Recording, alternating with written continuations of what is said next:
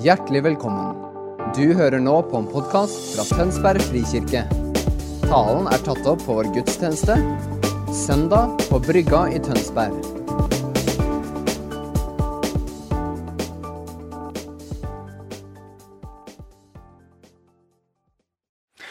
Jeg skal avslutte dere eh, en serie om eh, som har spent over to ulike ulike perspektiver, men begge to er knytta til noe av det som er verdigrunnlaget i huset vårt. Rick Warren sin bok 'Målretta liv'. Vi har snakka om menighetsfamilie og tilhørighet. Og så har vi de siste søndagene nå med mange ulike avbrudd vært i tjeneste. Og I dag skal jeg avslutte serien om tjeneste. Neste søndag så er det Bergljot som taler, og vi har eh, takknemlighetssøndag. Det kan dere glede dere til. Jeg har fått en preview hjemme på hva hun skal dele neste uke. Det blir fint. Men dette er altså avslutningen på, på tematikken om tjeneste. Og jeg har valgt å sette en overskrift fritt ut ifra det jeg har på hjertet, mer enn hva Rick Warren skriver om i boka si. At tjeneste handler om å leve for flere enn seg sjøl. Og På vei inn mot talestolen i dag så har det vært veldig viktig for meg å komme med et budskap som dere ikke skal kjenne som ei bør, som et krav, som noe som legges på dere som dere ikke klarer å innfri. Men jeg håper dere hører en invitasjon fra Herren til å tre ut i et liv som vi er skapt til og kalt til å leve i, og som djupest sett vil gi oss den største gleden og den største friheten. Det er målet mitt. Fordi vi er skapt til tjeneste. Og hvis livet vårt begynner å sentrere seg selvsentrert om meg, mitt, mine og mitt, så lever jeg ikke etter min intensjon, og det får noen følgefeil. Putt en villaks i akvarium, og den dør. Den er ikke skapt for det. Og det er noe med oss når vi lever annerledes enn det vi er skapt for, så får det noen følgefeil i livet vårt. Og jeg tror det Gud virkelig ønsker for oss, det er at vi skal fungere etter vårt Etter det han har tenkt for oss.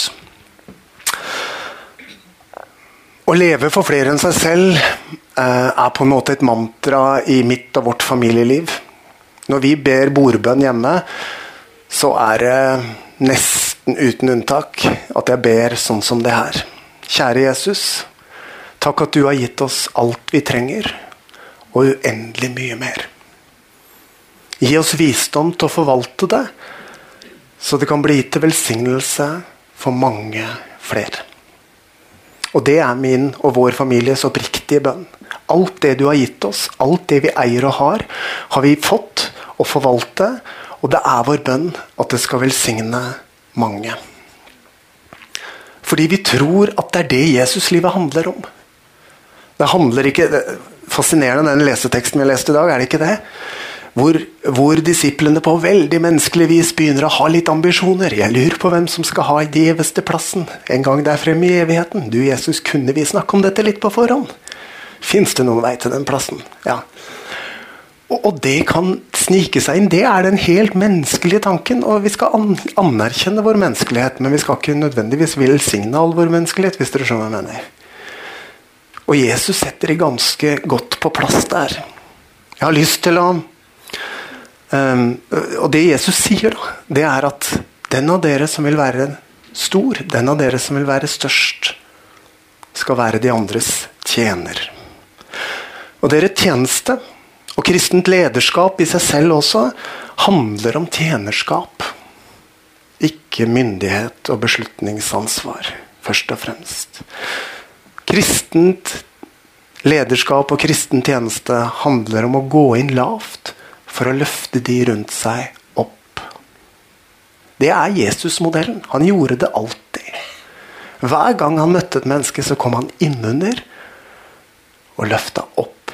Sånn at menneskene som forlot Jesus, gikk derfra med en opplevelse av oppgradering. Aldri nedgradering. Det er Jesus-måten. Det er Guds rike veien. Jeg har lyst til å pirre vår enten irritasjon eller nysgjerrighet i begynnelsen med to påstander eller to utsagn. Eh, for det første ja, Nå hopper jeg i mitt eget modus. Sett den på pause. Det er to perspektiver som jeg har lyst til å bare gjøre klart av det jeg skal dekke i dag, før jeg gir dere de påstandene. På den ene siden så skal vi omfavne den vi er, er målet mitt med talen i dag. At du og jeg skal gjenkjenne 'Dette er meg. Sånn er jeg'. Dette er mine helt naturlige interesser og preferanser, mine naturgaver, sier vi av og til. Og dette er mine nådegaver. Når Den hellige ånd blåser på meg, når Jesus kommer nær meg, så er det dette som skjer med meg. Da får jeg et bilde, eller jeg får lyst til å danse, eller jeg begynner å synge, eller jeg Ja, da er vi på sporet av nådegavene. Begge deler. Dette er meg. Sånn er jeg skapt. Og dette er det Gud ved sin nåde, når han kommer på meg med sin ånd, forløser i meg. Og alt sammen, både sånn jeg er skapt, og det han gir meg ved sin ånd, har han gitt meg for at jeg skal være til velsignelse for andre. Ikke for at jeg skal leve for meg sjøl. Så vi skal omfavne oss sjøl, og samtidig så skal vi altså prøve å fokusere litt på hva vil det si å leve med tjenerskinn. Og Jeg ligger litt på boka til Rick Warren i det, men, eh, men ikke mye. Men dere kommer til å dra kjensel på det. Jeg kommer til å pitche litt om hederskultur, som er et viktig ord i huset. For det handler om mye av det samme. Det skal vi se på. Ok, Så de to påstandene. Den første, som kan eh, gjøre noen litt sint på meg, er mindreverdighetsfølelse er bare speilvendt selvopptatthet. Ja, jeg vet den er litt ubehagelig. Men å tenke ned om seg selv stadig vekk er overdrevent selvfokus i negativ forstand. Og så en annen positiv. Dere kan få sparke meg etterpå, så jeg er ikke sikker på om jeg står ved dette, men det er for å liksom få dere på nett. Få dere tale. Jeg mener det litt. Den andre er sann ydmykhet er ikke å tenke lite om seg selv, men å tenke mindre på seg selv og mer på andre. Den står jeg veldig for. Sann ydmykhet er ikke å tenke lite om seg selv. 'Å nei, det, det var ikke meg. Det var ikke, det var ikke meg. I beste fall så var det Guds nåde.' liksom. Ja.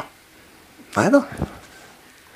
Sann ydmykhet er ikke å tenke lite om seg selv, men å tenke mer på de andre og mindre på seg selv. Og Hvis dette to, er to perspektiver som blir integrert i oss, så er vi takknemlige for den vi er. Den Gud har gitt oss, gjort oss til å være, skapt oss til å være. Den, de nådegavene han har forløst i oss. Og vi er frimodige på det. Men vi har ikke fokus på det. Vi har fokus på hvem er det Gud sender i vår vei? Hvem kan jeg være til velsignelse for? Hvem kan den jeg er, bety en forskjell for? Hvis jeg lever ut det jeg er.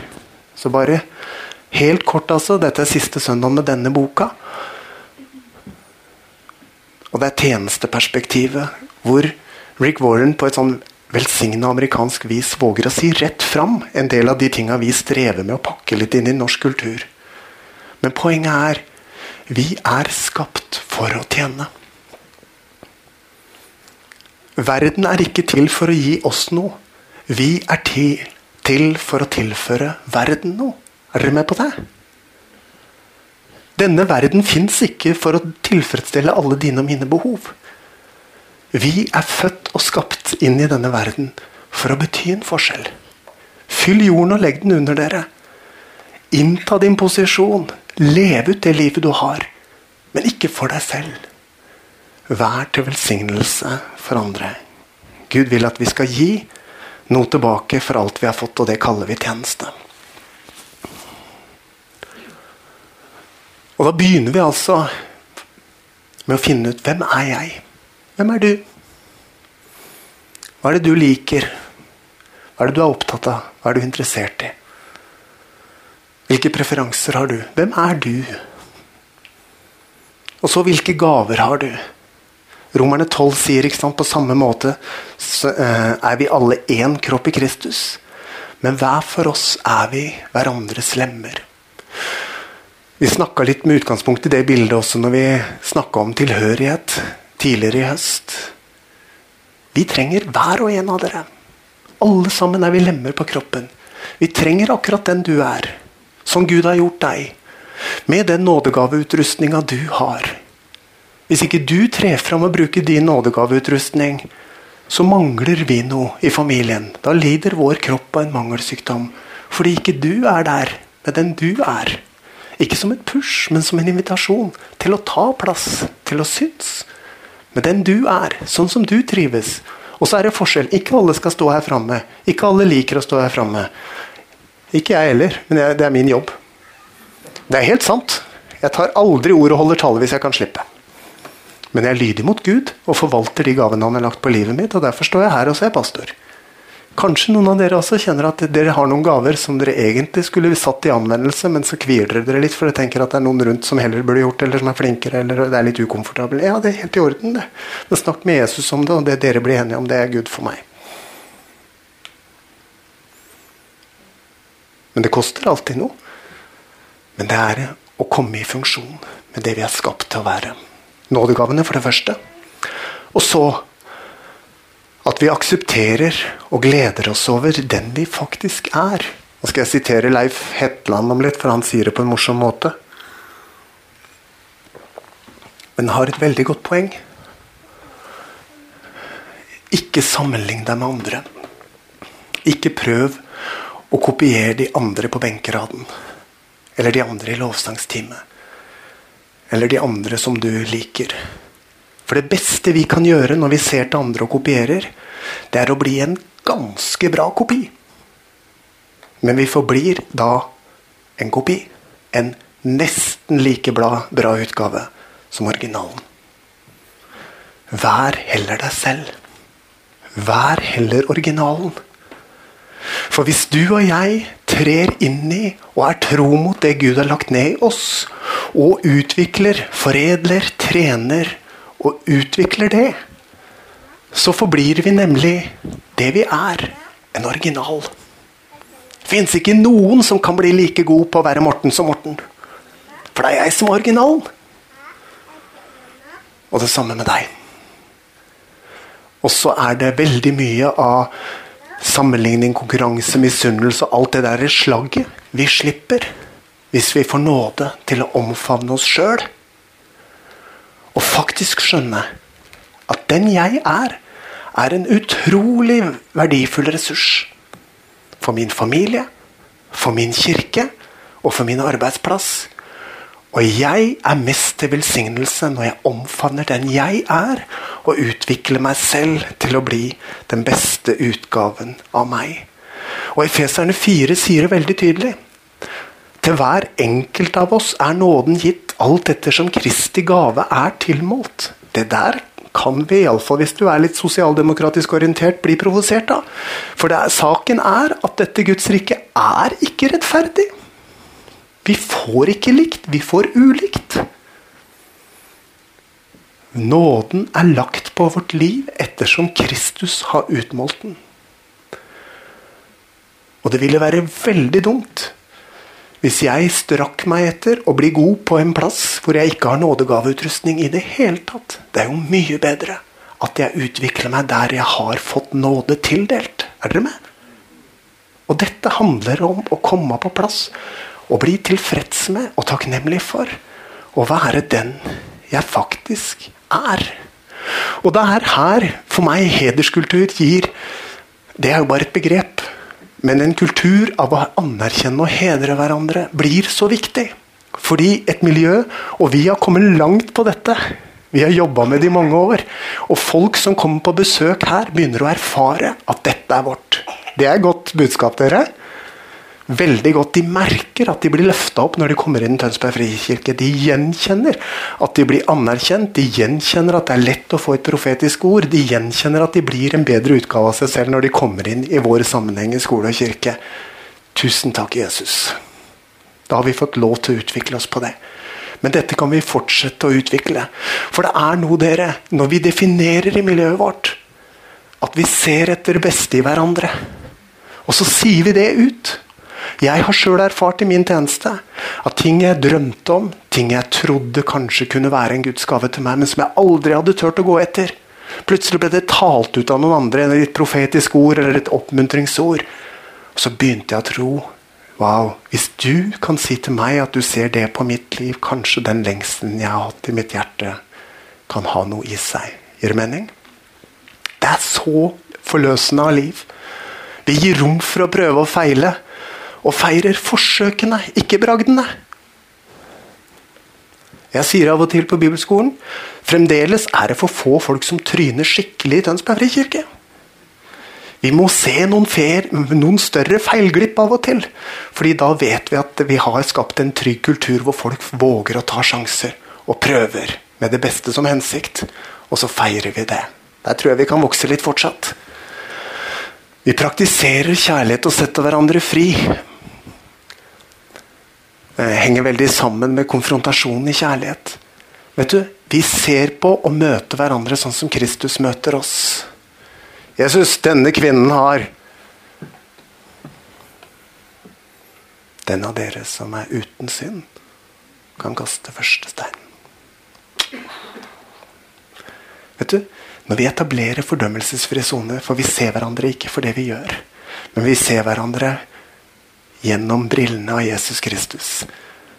Som folk som trenger nåden, og som har et potensial over himmelen, fra himmelen over seg. Da blir det som et drivhus, dere. Hvor vi får all den varme og næring vi trenger for å slå ut i blomst. Til å være alt det Gud har skapt oss til å være. Jeg har så tro på dette. Veldig. Og så på slutten vi praktiserer tjenende lederskap. Og anerkjenner våre ledere. Tjenende lederskap. En leder som tjener, er det lett å anerkjenne. Og dypest sett handler om Efeserne 5.21. Å være hverandre underordna. Så Kristus får æren. Ok, det var litt om å omfavne seg selv. Og gi kraft, forløse liv over for andre, så de kan omfavne seg selv. Og så er spørsmålet er vi tilgjengelige for tjeneste. Og hør meg nå med nåde, nådekanalen stilt inn, dere. For her i dag tror jeg jeg har fått noe som jeg skal dele med dere, som, som jeg tror vi trenger å ta inn over oss for å få en større fred til livet vårt. Bibelen sier at vi er hans verk, skapt i Kristus Jesus til gode gjerninger, som han har lagt ferdig på forhånd, for at vi skal vandre i dem. Og vandre høres mye deiligere ut enn springe. Det betyr at livet vårt på en måte er satt opp for suksess. Og Så er spørsmålet hva definerer vi som suksess? Og Dette henger litt sammen med vår daglige tid med Gud, og at vi er litt sånn, litt sånn in tuned, at vi er litt på samme frekvensen. Men suksess ser ut som veldig mye. Men at du og jeg tar imot hver dag og lever i den dagen, nært vårt eget liv, nært de vi møter, og kobla på Jesus Kristus, gjør at vi vil oppdage at hver eneste dag har ferdiglagte gjerninger i seg. Som vi kan rusle inn i.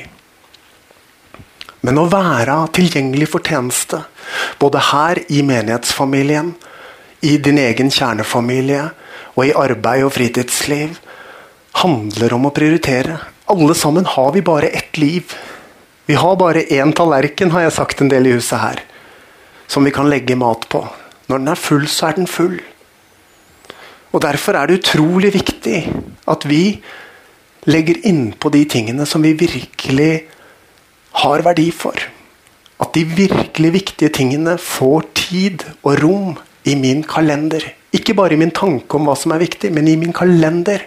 For det er det som slår ned i kalenderen min og i dagen min og i ukesrytmen min, som viser hva jeg faktisk har valgt. Og Her tror jeg veldig mange av oss kjemper mellom hva vi ønsker å leve, og hva vi erfarer at vi lever. Og Delvis må vi ta ansvar sjøl, og delvis må vi erkjenne en samtid og en kultur som legger et åk på oss som vi kanskje ikke bare skal akseptere. og Det er det jeg skal prøve å pirke litt i videre. Både en ansvarlighet for den enkelte av oss, men samtidig en kulturanalyse som hjelper oss til å gjøre kanskje noen nye og bedre valg. For når vi lever med en strekk mellom hva vi ønsker å leve og hva vi faktisk praktiserer, så er det noe rart. Over tid så skaper det en friksjon, en strekk, som skaper en type uggen, rar, udefinerbar, dårlig samvittighet eller følelse at jeg er ikke bra nok, eller et eller annet sånn grums. Kjenner dere igjen?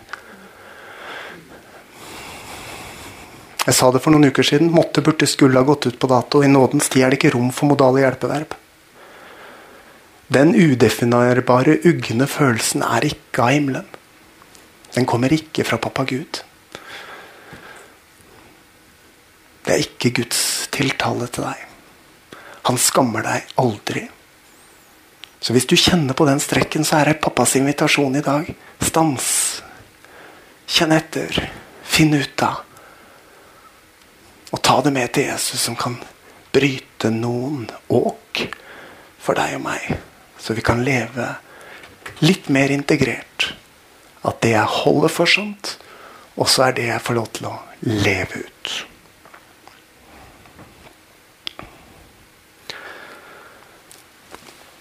John Wesley, eh, han er um, Oi, nå stopper det for meg her. Metodistenes grunnlegger.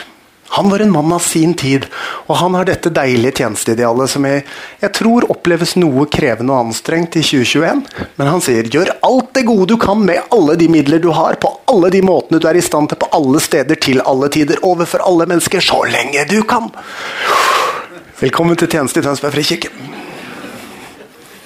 Eller for å si det med, med det pastorale eh, idealet som min svigerfar, sognepresten, fikk med seg på vei ut fra MF. Slit deg ut, men gjør det langsomt så du holder helt frem. Det var hilsenen fra praktikumsrektor. Helt på, på ramme alvor.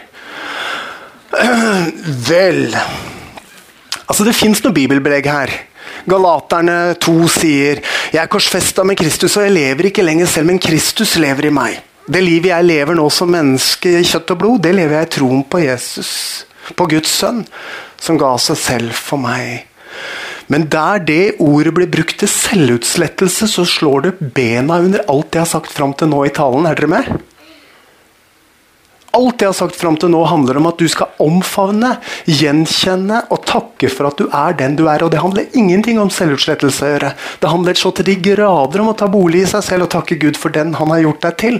Og tro at han har gjort det med en hensikt. Og frimodig tre fram med den du er. Og vite og tro at du er til velsignelse for andre. Samtidig. Og Galaterne 2 er i akkurat samme perspektivet. Ikke til selvutslettelse men for at vi skal få en retning og en prioritet med det livet vi eier i Han. Sånn at noe skal bli viktigere enn noe annet. Hva er det som fyller mine dager? Hva er det som vinner i kampen om min oppmerksomhet? Hva er det mine prioriteringer er eh, retta inn på? Er det det Gud har lagt på livet mitt, eller er det det jeg selv vil ha? Eller er det det kollegaene forventer av meg, eller barna har forventning om, eller foreldrene sier at jeg burde passe på? Eller hva er det som fyller min tallerken.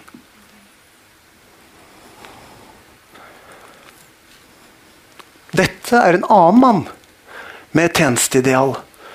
Overskriften på hans bok er 'En hensynsløs utslettelse av travelhet'. Og jeg lurer på om ikke John Mark Comer er like mye en Guds mann med et budskap ifra himmelen for sin tid, som John Wesley var det for sin. For John Wesley levde på 1700-tallet, fra 03 til 92, tror jeg, 17. Hvor landet lå under i drukkenskap, mye sosial nød.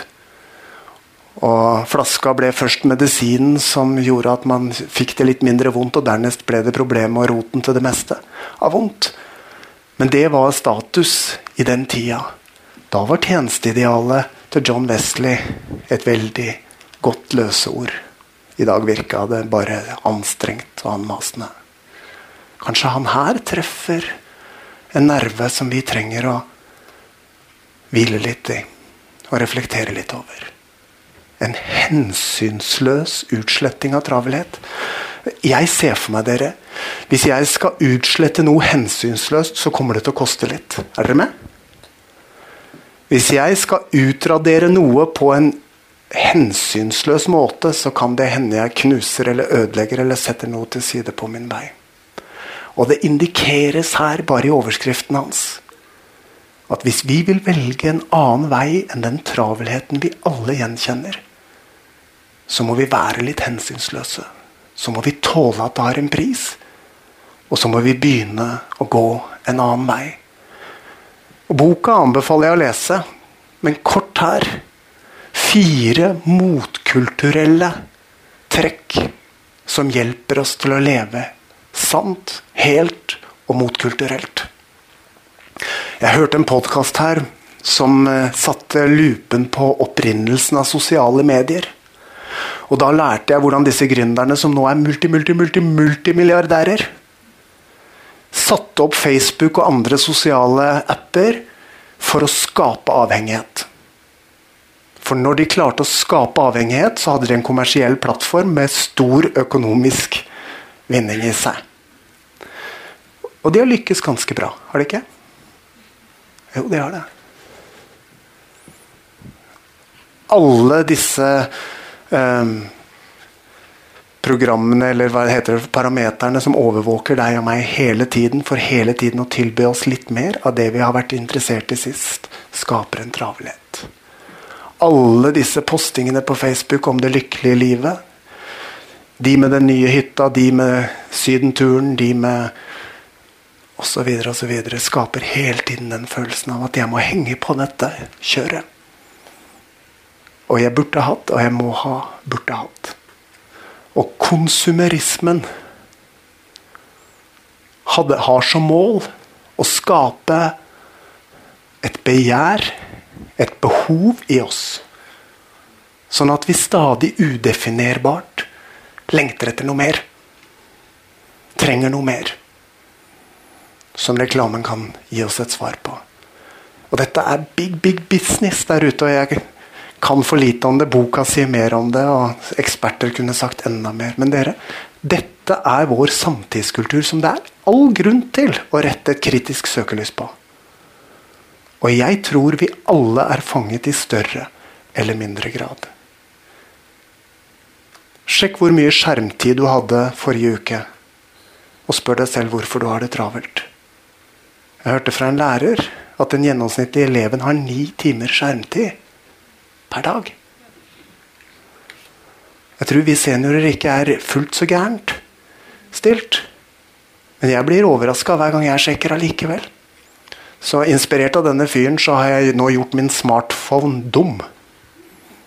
Den er tom, uten varsler, og den er gråskalert. Det er mitt lille bidrag til fred i sjela. Men disse rytmene, å begynne å velge stillhet og alenetid. Velge sabbat en dag og stoppe opp. Ikke den loviske 'nå må du slutte å strikke på søndagen' eller ikke spille kort. Men en dag å stoppe med alt du må gjøre, for å gjøre bare det du har lyst til å gjøre. Spise, sove, tilbe, være med familien. Elske, bli elsket, osv. Er dere med? Når hadde vi sist en rytme som gjorde at det er bare seks dager til neste gang? Vi bare skal spise, sove, elske, leve og lovprise. Moderne kultur gir oss en hastighet som tar fra oss kontakten med vårt eget jeg. Enkelhet. Han sier Alt vi skal eie, må ikke måles opp ut ifra hva vi har råd til. For det er en kostnad ved alt vi anskaffer oss, langt utover innkjøpsprisen. I tiden det tar meg, i vedlikeholdet det krever, i tiden jeg nå må prioritere for å bruke og rettferdiggjøre mitt innkjøp. Og så kan vi gjøre det regnskapet for hver eneste gjenstand. Og da kommer vi veldig fort til at det er kanskje lurt å ha mindre at faktisk er less more. At å leve enklere, ikke ut ifra en puritansk, moralistisk innstilling, men å leve enklere ut ifra å ville omfavne livet istedenfor å være eid av alt vi har putta inn i livet. Og så velge langsomheten. Det utfordrer meg veldig. Velge den lengste køen når det er en snarere vei ved siden av velge den kassa med lengst kø bare for å få en stopp og en pause. Det er jo helt irrasjonelt. Eller som han sier, alltid holde fartsgrensen. Gjør vi ikke det, da? Men la det bli en åndelig disiplin. Jeg har ikke så dårlig tid at jeg må bryte fartsgrensen. Ja, ja, men feilmarginen osv. Det blir jo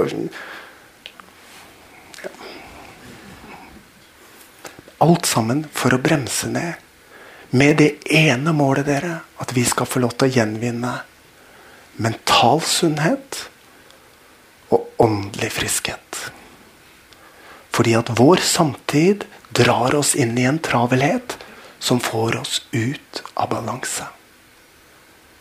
Og du og jeg, vi har mandat og råderett og myndighet i våre liv til å begynne å gjøre valg og grep som definerer hva som skal ligge på vår tallerken.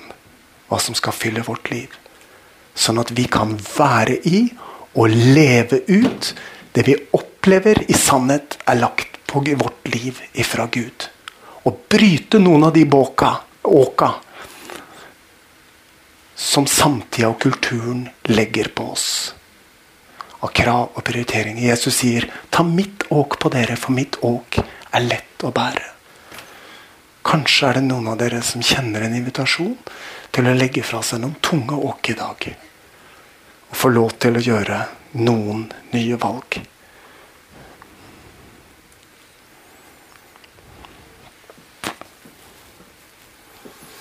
En gang jeg skal gå til avslutning. En gang for å gå tilbake til et bibelsk perspektiv. Når Jesus kommer igjen og evigheten begynner, så skal vi alle fram for Guds domstol. står det, og Det handler ikke om hvor flink gutt du og jeg har vært. Synd og nåde er ikke tema den gangen. For synd og nåde ble avgjort på korset. Hvis vi tror på Jesus, så er vi rene og rettferdige himmelen verdig. Men det som er tema den gangen, er Hva gjorde du med det jeg ga deg? Hvordan forvalta du det jeg betrodde deg? Det er tema den gangen. Jeg ønsker ikke, jeg har ikke en forståelse av å være en sovelpredikant og har ikke tenkt å bli det. Men jeg ville ikke vært en sann predikant om ikke jeg tok fram det helt sanne bibelske perspektivet at vi står ansvarlig for våre valg. Vi er ikke offer for omstendighetene. Og den måten vi lever våre dager og forvalter våre ressurser på, er vi ansvarlig for. Og dessuten mer enn trusselbildet, så er det gleden av å få være til velsignelse. Har jeg tid til et vitnesbyrd? Hvor er jeg på tida? Ja?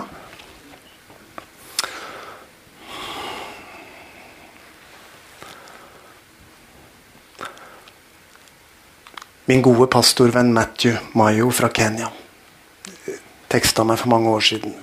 Han hadde kjøpt en pickup, og den var mye dyrere enn han hadde, var i stand til å betale. Så han teksta meg og spurte om jeg kunne hjelpe med restavdraget. Som var ganske mye penger. Selv for en nordmann. Og så har vi alltid trodd i vår familie at Den hellige ånd taler like mye i og gjennom barna.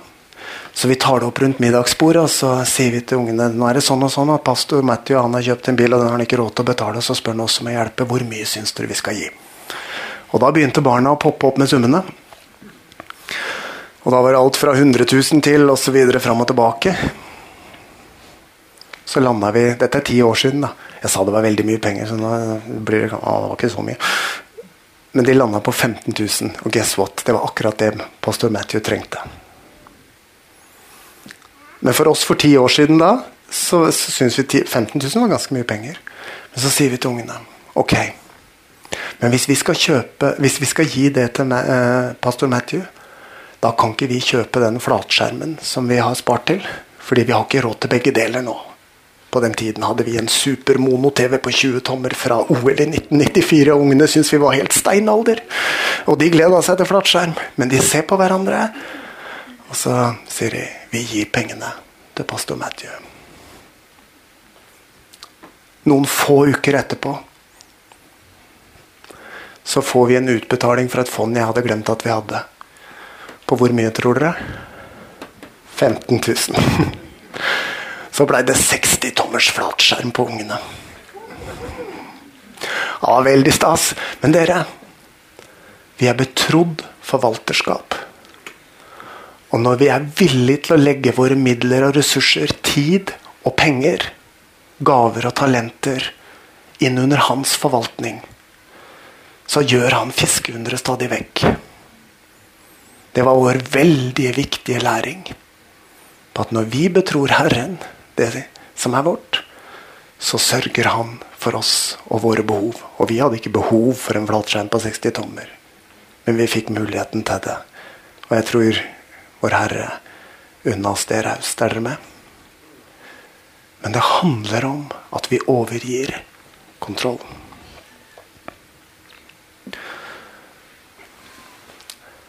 Oppsummert i forhold til tjeneste. Å være hverandre underordna i ærefrykt for Kristus. Det er et gammeldags ord.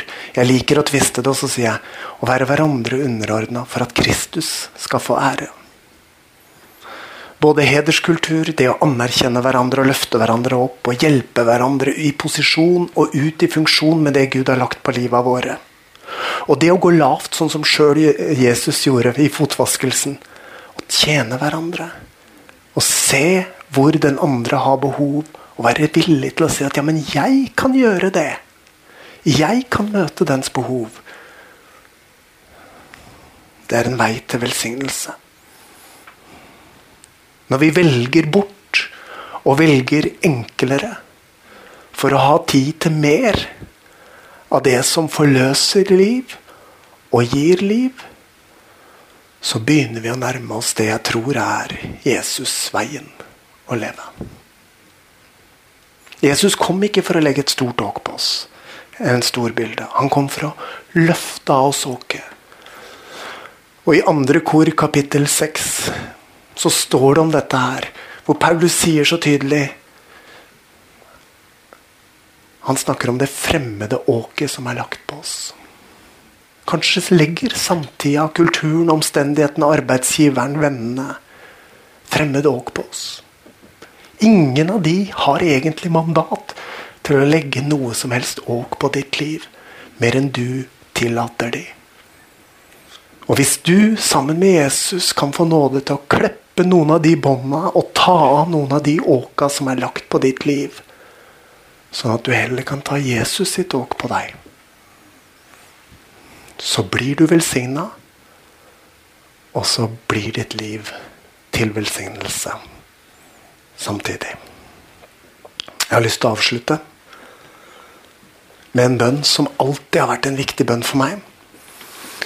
Og Jeg har lyst til at vi skal be den sammen. Jeg leser den langsomt, og så kan dere lese den sammen med meg som en bønn i deres hjerte. Og så går vi til avslutning, og så er dere velkommen både til å ta med disse perspektivene inn i forbønn, og kanskje få et profetisk ord eller et, et gudsord inn i, inn i akkurat den prosessen som kanskje Gud starter i deg gjennom dette. Jeg tror virkelig at Jesus ønsker å sette oss fri. Til å leve i tråd med det han har skapt oss til å være. Frelst oss til å være. La oss be sammen. Herre, gjør meg til et redskap for din fred. La meg bringe kjærlighet der hatet rår. La meg bringe forlatelse der urett er begått. La meg skape enighet der uenighet rår. La meg bringe tro der tvilen rår. La meg bringe sannhet der villfarelse rår. La meg bringe lys der mørke runger. La meg bringe glede der sorg og tyngsel rår. Å Mester, la meg ikke søke så meget å bli trøstet som å trøste. Ikke så meget å bli forstått som å forstå. Ikke så meget å bli elsket som å elske. For det er gjennom at man gir, at man får. Det er ved å glemme seg selv at man finner seg selv. Det er ved å tilgi andre at man selv får tilgivelse. Og det er ved å dø at man oppstår til evig liv. Amen.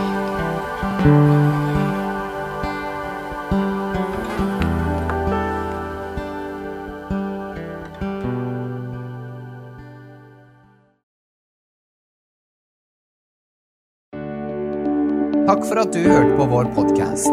Har du spørsmål eller ønsker du å vite mer? Søk oss på vår nettside tonsbergfrikirke.no. Du er også velkommen til kirke på Brygga i Tønsberg.